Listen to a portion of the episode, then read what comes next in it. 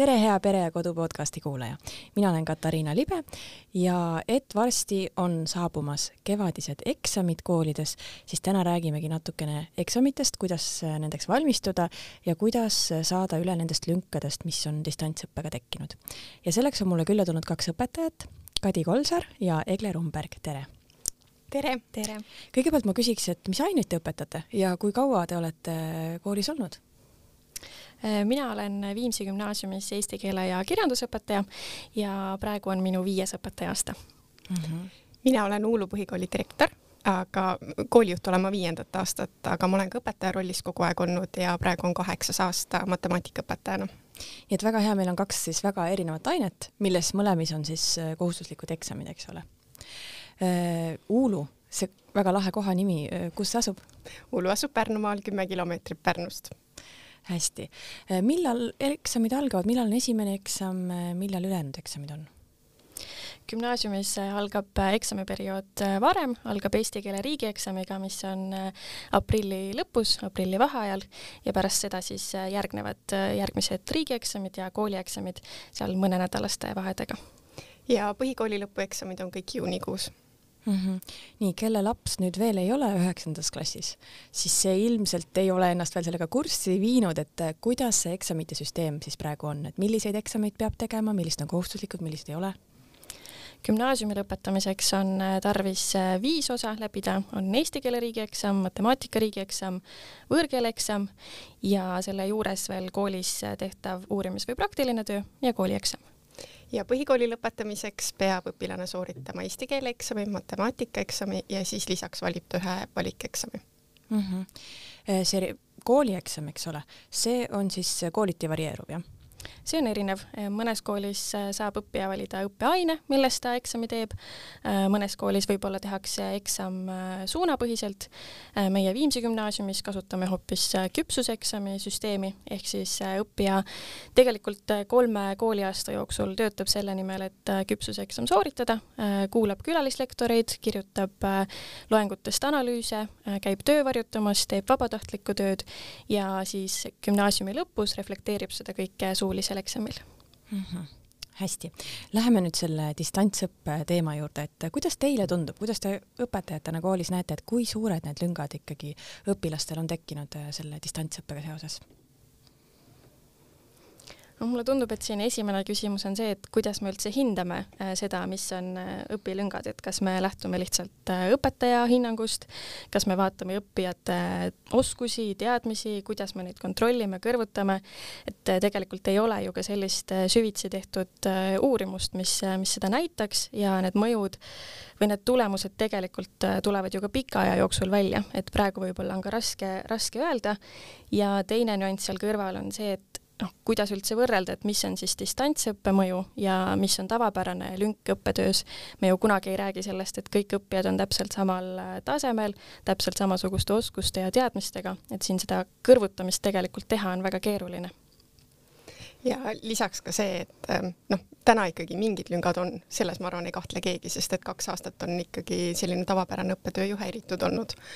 aga võib-olla mis on ka noh, lisaks ainealastele teadmistele on tekitanud probleeme ka sellised sotsiaalsed oskused, mis on ju lastel kohati tekitanud veel rohkem raskusi õppetöö sooritamise puhul. et aga, aga noh, ma olen nõus sellega, et täna hinnata seda ei ole võimalik, täna lihtsalt selline kõhutunne, mis on ja, ja kõhutunne ikkagi ütleb, et, et mingid sellised lüngad on olemas ma olen hästi nõus sellega, et võib-olla suuremad lüngad ongi sotsiaalsetes oskustes ja sotsiaalses küpsuses ja võib-olla mõju noorte vaimsele tervisele on tegelikult olnud suurem kui lihtsalt see, mis, mis mõjutab õppetööd, et õppetöö mõttes distantsõpe tegelikult on olnud ja ka võimalus.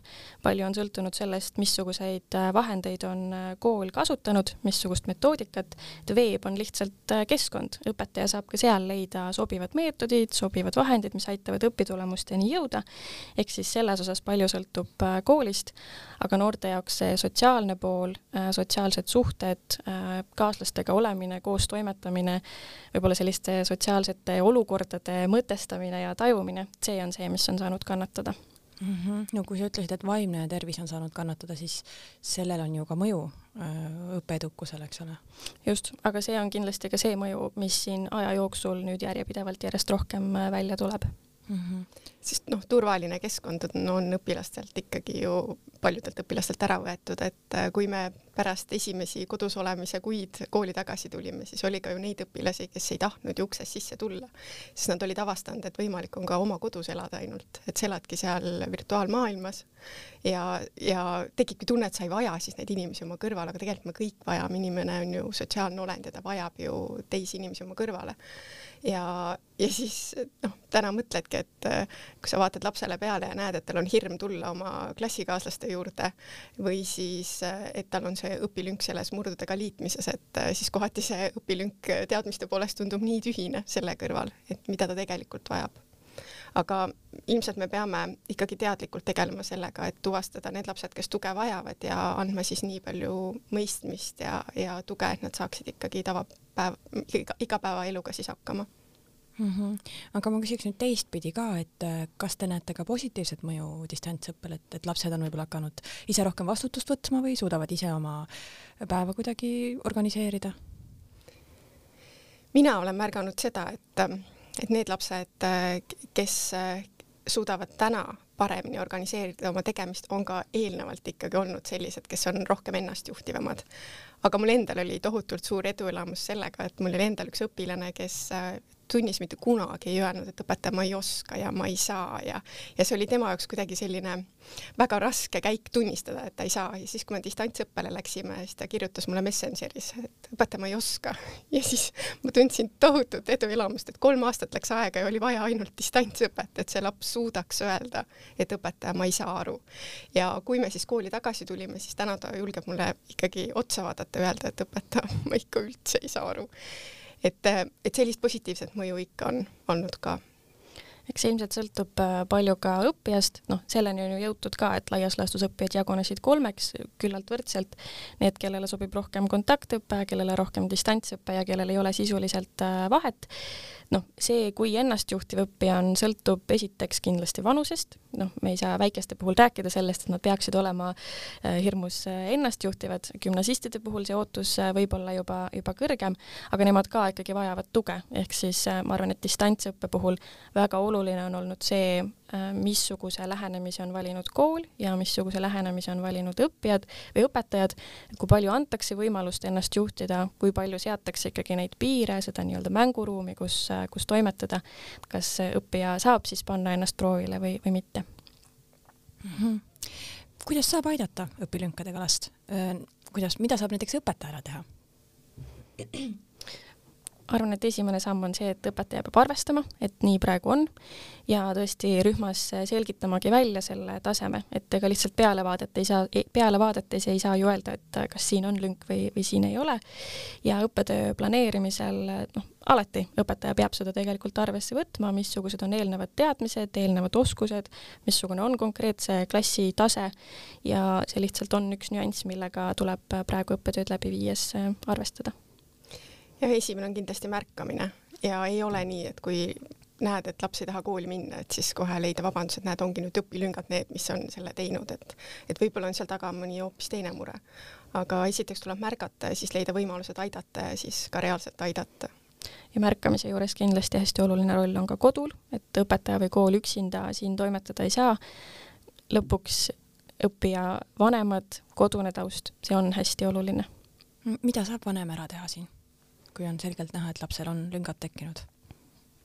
mulle tundub, et kõige olulisem on see, et laps ei jääks üksinda, et kui me räägime siin ka vaimsest tervisest, siis äh, see tunne, et, äh, et last või noort toetatakse, et tal on see tugivõrgustik, et ta ei pea kõigega üksinda hakkama saama, et äh, see on esimene, mis on kõige tähtsam mm. -hmm. hoolida tuleb et ilmselt just see, et, et, et vahel ongi, et äh, mina koolijuhina ka näen, et on laps murega ja, ja ma, ma ei saagi mitte midagi teha, aga talle aitab see, et ma kuulan ta mure ära ja ta saab aru, et, ma mõistan, et tal on raske. ja, ja kui, kui see laps tunneb, et temast hoolitakse, siis tal on ka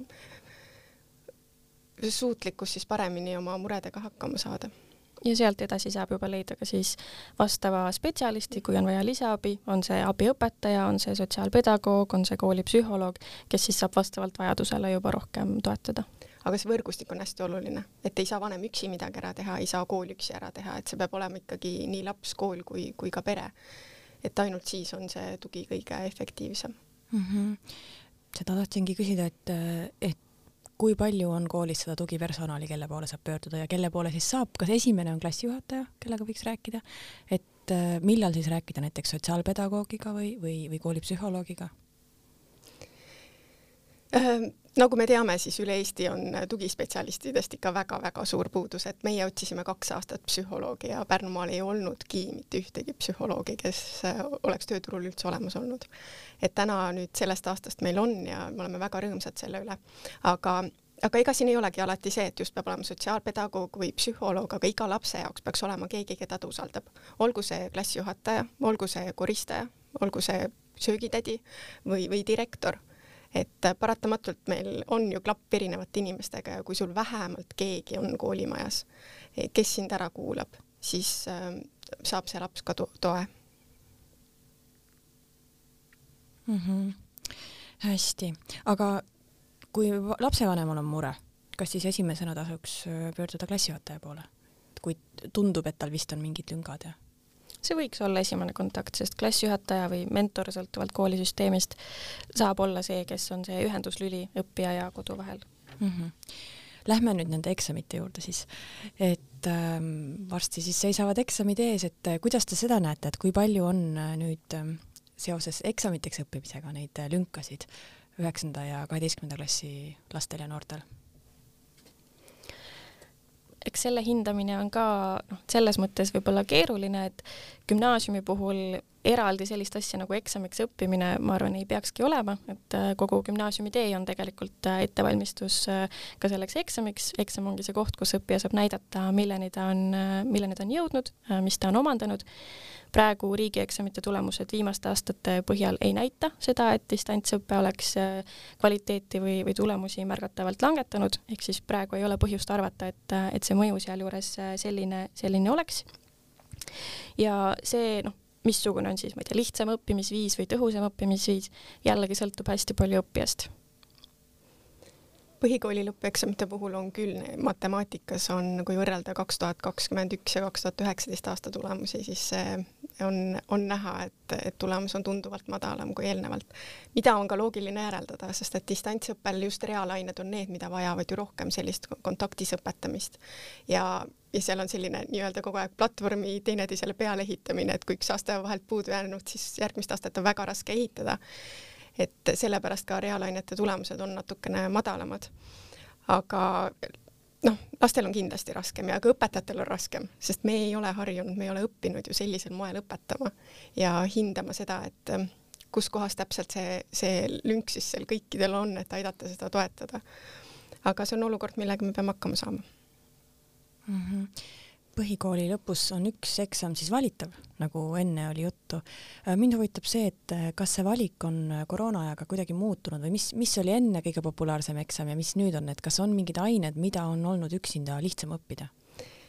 kui ma oma kooli puhul mõtlen ja, ja kui ma vaatan ka statistiliselt, siis ikkagi kõige populaarsemad on inglise keel ja ühiskonnaõpetus ja ma arvan, et see on nii läbivalt enamus koolides. ja täna ma ei näe, et see oleks muutunud et inglise keel valitakse see, et meie tänased noored kasvavad ju selle sees üles ja, ja see on selline eh, üsna niisugune turvaline valik või noh, ega ju lapsed valivadki selle järgi, mis aines nad ennast kindlalt tunnevad, et kus nad kõige vähem ebakindlust tunnevad, selle nad ju jätavad valimata. ja noh, täna tundub, et need suunad on ikkagi sarnased ikka veel mm. -hmm. et ei ole muutunud midagi siis koroonaaeg, jah? mina arvan, et ei ole mm. -hmm. kui nüüd ikkagi lapsevanem näeb ja tunneb, et äh, lapsel need lüngad võivad olla nii suured, et ta ei ole kindel, et kas ta selle eksami suudab positiivselt sooritada, siis kust saab abi, kas on mingeid väljaandeid, on mingeid kodulehti, kus on spetsia-, spetsiaalseid materjale siis eksami jaoks? ma arvan, mis on äh, riik väga hästi täna teinud, on ähm, täna ju Eesti ülikoolid pakuvad lisakursuseid nii riigieksamiteks ettevalmistamiseks kui põhikooli lõpueksamiteks et kui äh, nii-öelda guugeldada ülikoolide õpitugi, siis Arno kodulehel on olemas äh, Tallinna Ülikooli, Tartu Ülikooli ja Tallinna Tehnikaülikooli siis korraldatavad äh, nii tasuta kui tasulised ettevalmistuskursused, mis on kindlasti väga kvaliteetne tugi, mida iga laps ja saab siis endale võtta kõrvale. aga ma arvan, praegu on viimane aeg märgata, kui tundub, et abivaja eksamiks on, et paar nädalat enne eksamit on ilmselt see rong läinud et täna on just see õige aeg ikkagi hinnata ära, kas äh, lapsel võib siis tekkida probleeme eksami sooritamisega või, või siis mitte ja siit tuleb jälle see nüanss, noh, vähemalt gümnaasiumi riigieksamite puhul, et ei saagi olla see, et vot nüüd kahe nädalaga võtan ja õpin eksamiks kõik selgeks, eriti eesti keele riigieksami puhul, mis eeldab silmaringi ja oma mõtete väljendamise oskust, argumenteerimise oskust, et seda niimoodi nipsust hetkega omandada ei olegi võimalik. Äh, mis tähendab, et see ettevalmistusperiood äh, peabki olema pikem, ma arvan, et selle juures konkreetselt äh, distantsõpe tingimata ei ole olnud takistus, sellepärast et tekstidega töötada, arutleda, mõtteid vahetada, seda kõike saab tegelikult väga tõhusalt teha ka distantsilt mm. -hmm. kuidas vanem üldse võib aru saada sellest, et vist ei ole päris hästi? et kas seda näeb hinnetest või? just, just ma mõtlen nagu eksamite osas, et, et kuidas ta laps siis eksamitel hakkama saab? No kindlasti on hinded, mis peegeldavad ikkagi omandatud õpitulemusi üks, aga, aga kui on kahtlusi, et, et kui on ikkagi näha, et lapsel on näiteks matemaatikaga raske, et siis ju alati võiks ju ka õpetaja või, või aineõpetaja või klassijuhataja käest siis küsida tagasisidet, et kas minu laps võiks vajada rohkem tuge. et ma arvan, et selline, see on jälle selline märkamise koht gümnaasiumis ma arvan, esimene tajuja on õppija ise, äh, mitte isegi nii väga lapsevanem. Ja ma arvan, et äh, hinnete kõrval olulisem on veel see sisuline tagasiside selle koha pealt, millised õpitulemused on omandatud, äh, millega peaks veel töötama.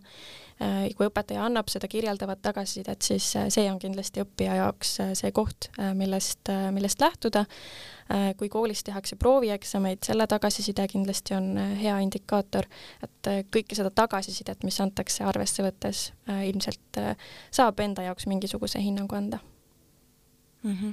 kuidas saab last aidata kodus? siis oli juttu nendest kursustest, aga kuida-, mida saab vanem ise ära teha? võib-olla kõige selle teadmiste kõrval on meil vajalik omandada oskus, kuidas stressi ja ärevusega toime tulla. et ähm, see on üks koht, mida nii kodu kui ka kool saab rohkem ära teha, et laps peab mõistma seda, et äh, eksamieelne ärevus ja stress on normaalne tunne ja kõik tunnevad seda. mina mäletan ise, kui ma bakalaureuseõppes õppisin, siis ma õppisin psühholoogiat kõrvalerialana ja mul oligi üks aine, kus oli stress ja ärevus ja enne eksamit üks asi, mida ma pidin õppima, olid siis stressitunnused ja mul oli see suuline eksam ja kui ma ukse taga olin, siis see oli minu jaoks kõige kohutavam eksam, sest ma olin ise õppinud, millised on stressitunnused ja ma tundsin, kuidas mu käepesa, peopesad higistavad, mul tekkis klomp kurku, mu hingamine kiirenes, ma tundsin kõiki neid tunnuseid ja siis ma mõtlesin, ma mitte eal oma õpilastele ei õpeta, et kuidas sa märkad, kuidas see stress tuleb. aga tegelikult me ilmselt peaksime natuke rohkem lapsi sellesse stressiolukorda panema, et nad su suudaksid ise hakkama saada sellega, et võib-olla see treening selleks olukorraks olukorraks suudab selle suure ärevuse maha võtta just see mõtteviis, et äh, ärevus, äh, selline kerge stress on normaalne osa elust, ei peagi olema seda, et seda üldse ei tunta ja see ei ole kohe katastroof, kui, kui ärevus äh, peal on. noh, võib-olla siin aitab ka pisut selline äh, mõtteviisi muutus või teadmine sellest, kuidas aju üldse töötab, et kui ma ka tunnen, et mul on kuskil teadmistes või oskustes lünk, siis äh, see ei ole veel äh, katastroof, äh, minu aju on muutuv, ma saan sellega tegeleda, kui ma ise panustan, ise sellesse, ise selle ette võtan, siis tegelikult see auk on ületatav, et see ei ole ka maailma lõpp, kui kuskil see lünk on sisse tekkinud.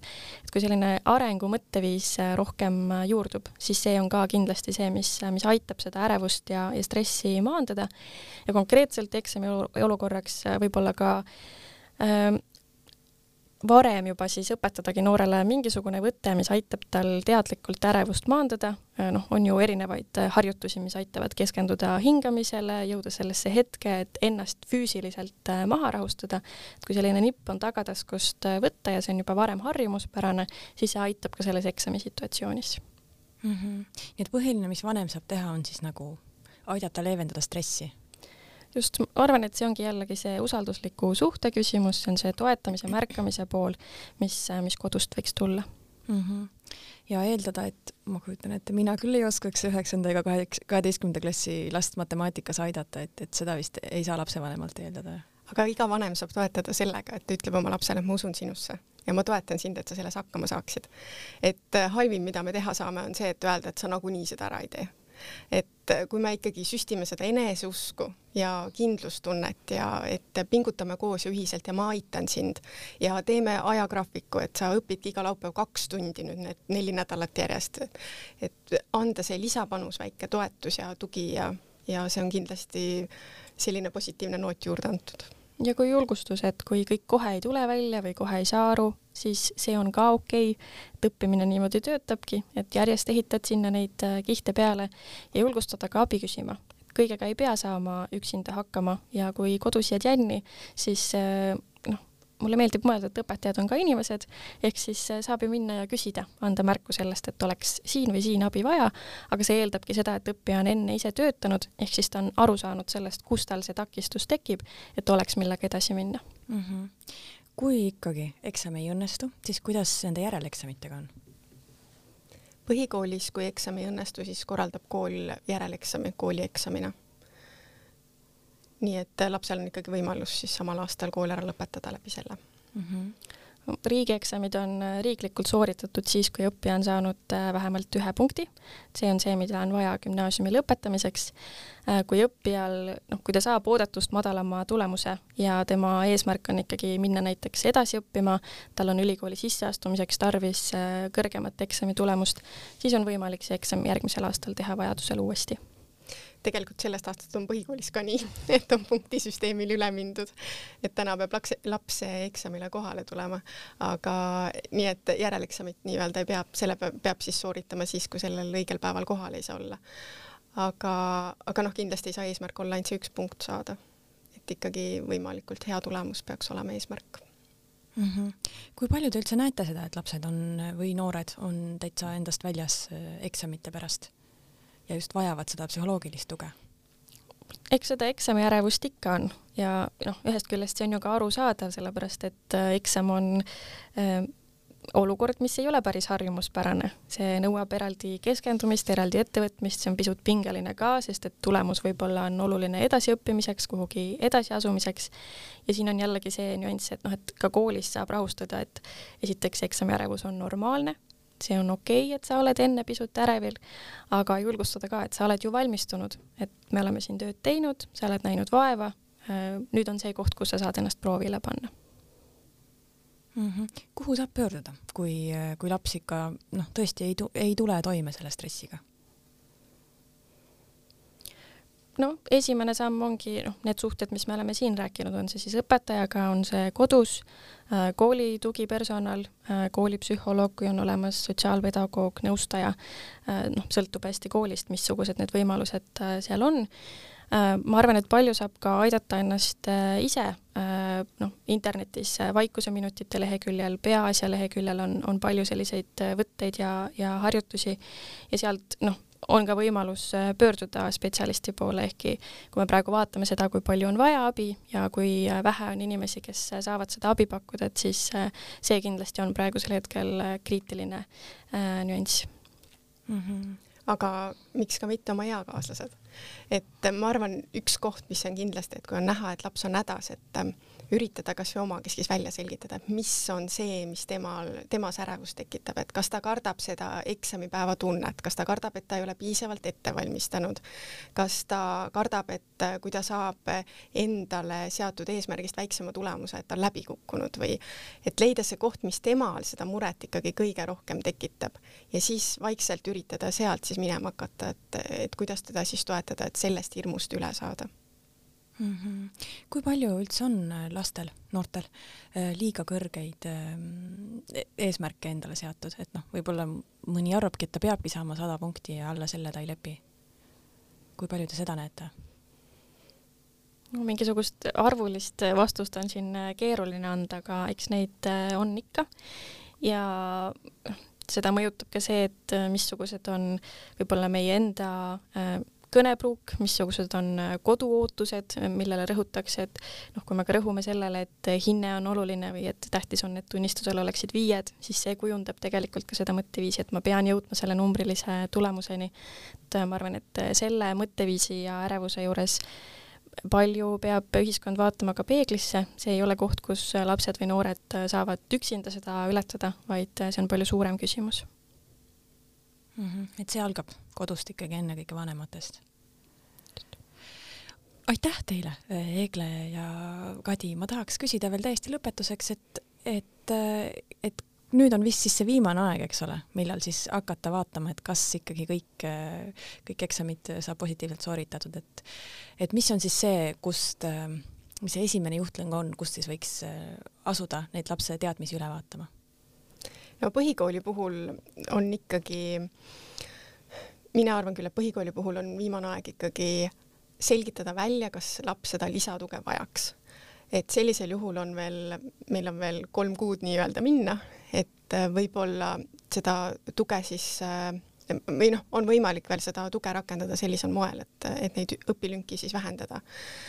ma arvan, et see täna on ikkagi oluline gümnasistide puhul ma arvan, et võiks ka mõelda sellele, mis on üldse see, mida noored tahavad edasi teha, millega jätkata.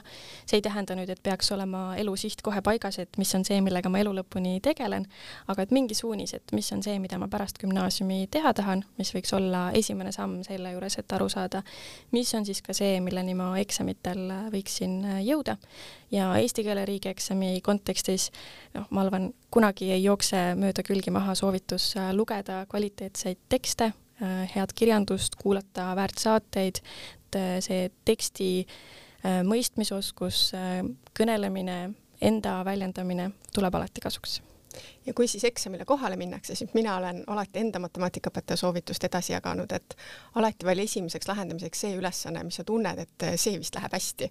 et mis su selline lemmikteema on ja siis, kui see esimene ülesanne on edukalt sooritatud, siis tekib tunne, et ma ikka olen suur professionaal ja suudan ka teised ära teha. nii et siis läheb kõik edukalt mm. -hmm. eduelamus tuleb sealt. just mm. -hmm. aga aitäh teile aitäh! aitäh! aitäh, armas kuulaja, et meid ära kuulasid. ma loodan, et said siit väärt nõuandeid, mõeldes siis oma lapse tulevastele eksamitele. ja järgmine saade on üleval nädala pärast